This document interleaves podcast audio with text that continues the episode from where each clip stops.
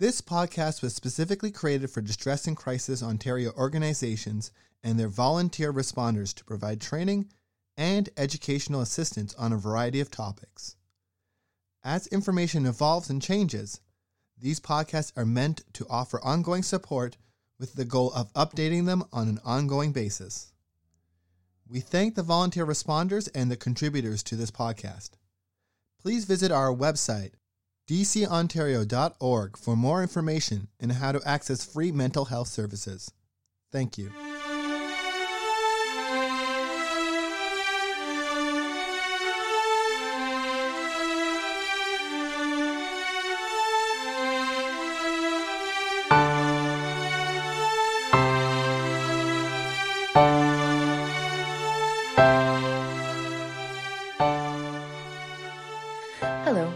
Caitlin Plant, and I'm the Program Manager at Distress and Crisis Ontario. And October is Cybersecurity Awareness Month. This week, using information from getcybersafe.gc.ca, we'll be talking about Cyber Month. Cybersecurity Awareness Month, or Cyber Month, is an internationally recognized campaign held each October to help the public learn more about the importance of cybersecurity. The campaign helps Canadians stay secure online by teaching them simple steps to protect themselves and their devices. The theme for Cybersecurity Awareness Month 2023 is Step Up Your Cyber Fitness. It's all about stretching your cybersecurity muscles and taking things one step at a time. Cybersecurity is a shared responsibility, so join us and other organizations across Canada in promoting cybersecurity by participating in Cyber Month. The best way to raise awareness about cybersecurity is to have more organizations and people involved, including yourselves. Each year, Get Cyber Safe picks a specific cybersecurity topic or theme to promote for Cyber Month. You can choose to use resources that reflect the yearly theme or our theme agnostic Cyber Month resources. Either way, these resources help make participating easier. You can show your audience online, the people in your life, your family, friends, employees, employers, whomever, that you care about their cybersecurity by using any sort of Cyber Month resources. So, what is Get Cyber Safe? Get Cyber Safe is a Government of Canada public awareness campaign led by the Communications Security Establishment, with advice from its Canadian Centre for Cybersecurity to inform Canadians about the simple steps they can take to help themselves to stay safe online. Get Cyber Safe is the Canadian lead for Cybersecurity Awareness Month. As mentioned, the theme for Cyber Month 2023 is Step Up Your Cyber Fitness. Just like starting a new fitness routine, finding the motivation to become your best, most cyber safe self can be tough. But with the right coach or with the information at Get Cyber Safe, you can accomplish even the most daunting tasks.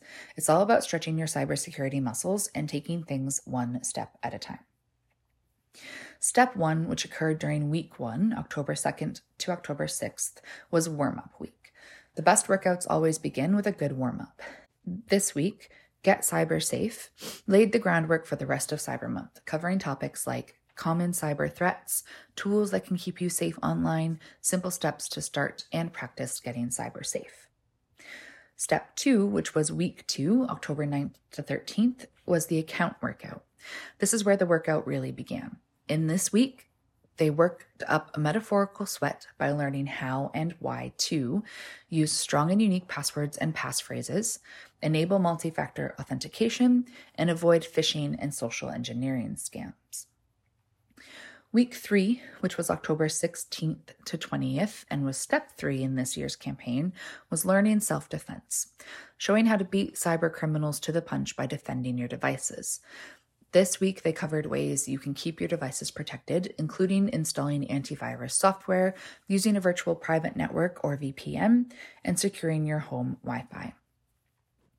Week four, which is this coming week, October 23rd to 27th, the topic is maintaining muscle. Staying in good cyber shape means keeping on top of your security habits. This week, Get Cyber Safe will talk about the ways you can automate your cyber safety, like using a password manager, enabling automatic updates, and backing up your data. Finally, the month ends with week five on October 30th and 31st, where they are hoping to share strength in numbers, sharing motivation with the world.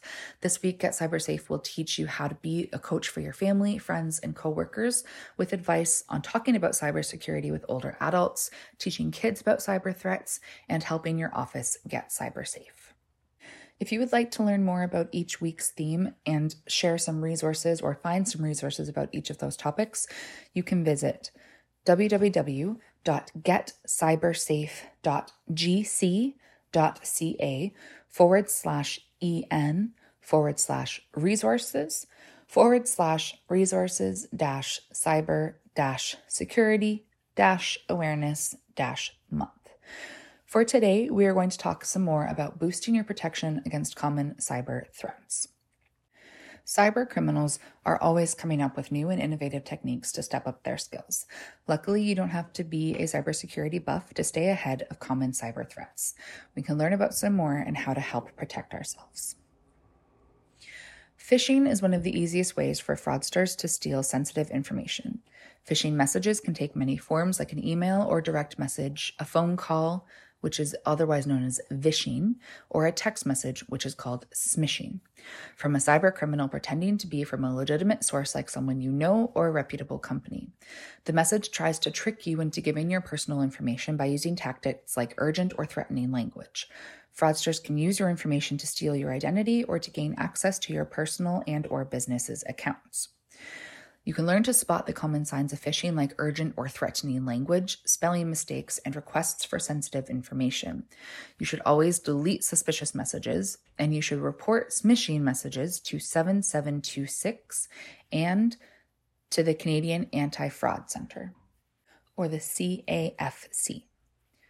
With reported losses of $308.6 million to the CAFC, investment scams produced the highest losses in 2022 and $161.4 million lost in the first six months of 2023.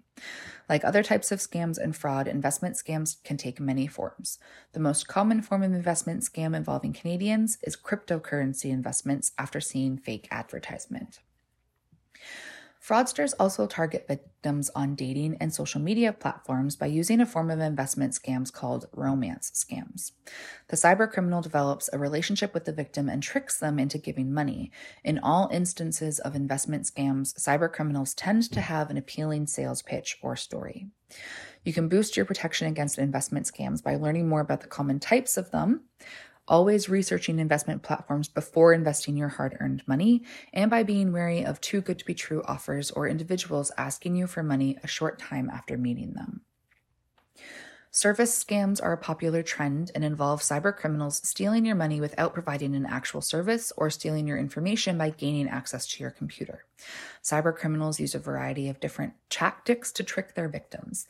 They may pretend to be a cell phone or existing service provider to ask for sensitive information to perform a quote credit check, or they may impersonate a tech support company to gain remote access to your computer, putting you at risk of identity fraud. You can boost your protection against service scams by learning more about the different types, by never allowing individuals remote access to your device. If you're experiencing issues with your device, bring it to a reputable technician, and by never providing personal or sensitive information over the phone unless you initiated the call with your service provider using the number provided directly by them. Cyber criminals are clever and will go to great lengths to steal from their victims.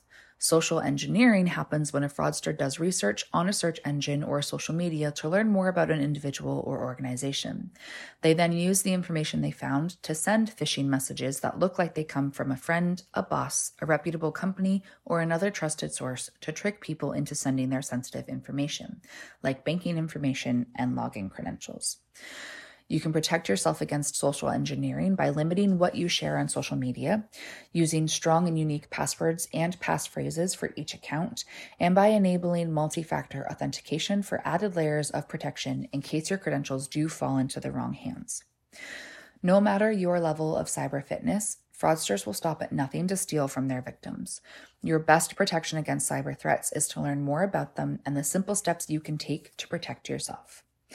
Again, you can learn a lot more about your own cybersecurity at getcybersafe.gc.ca, but hopefully the information shared in this week's podcast has been helpful so far.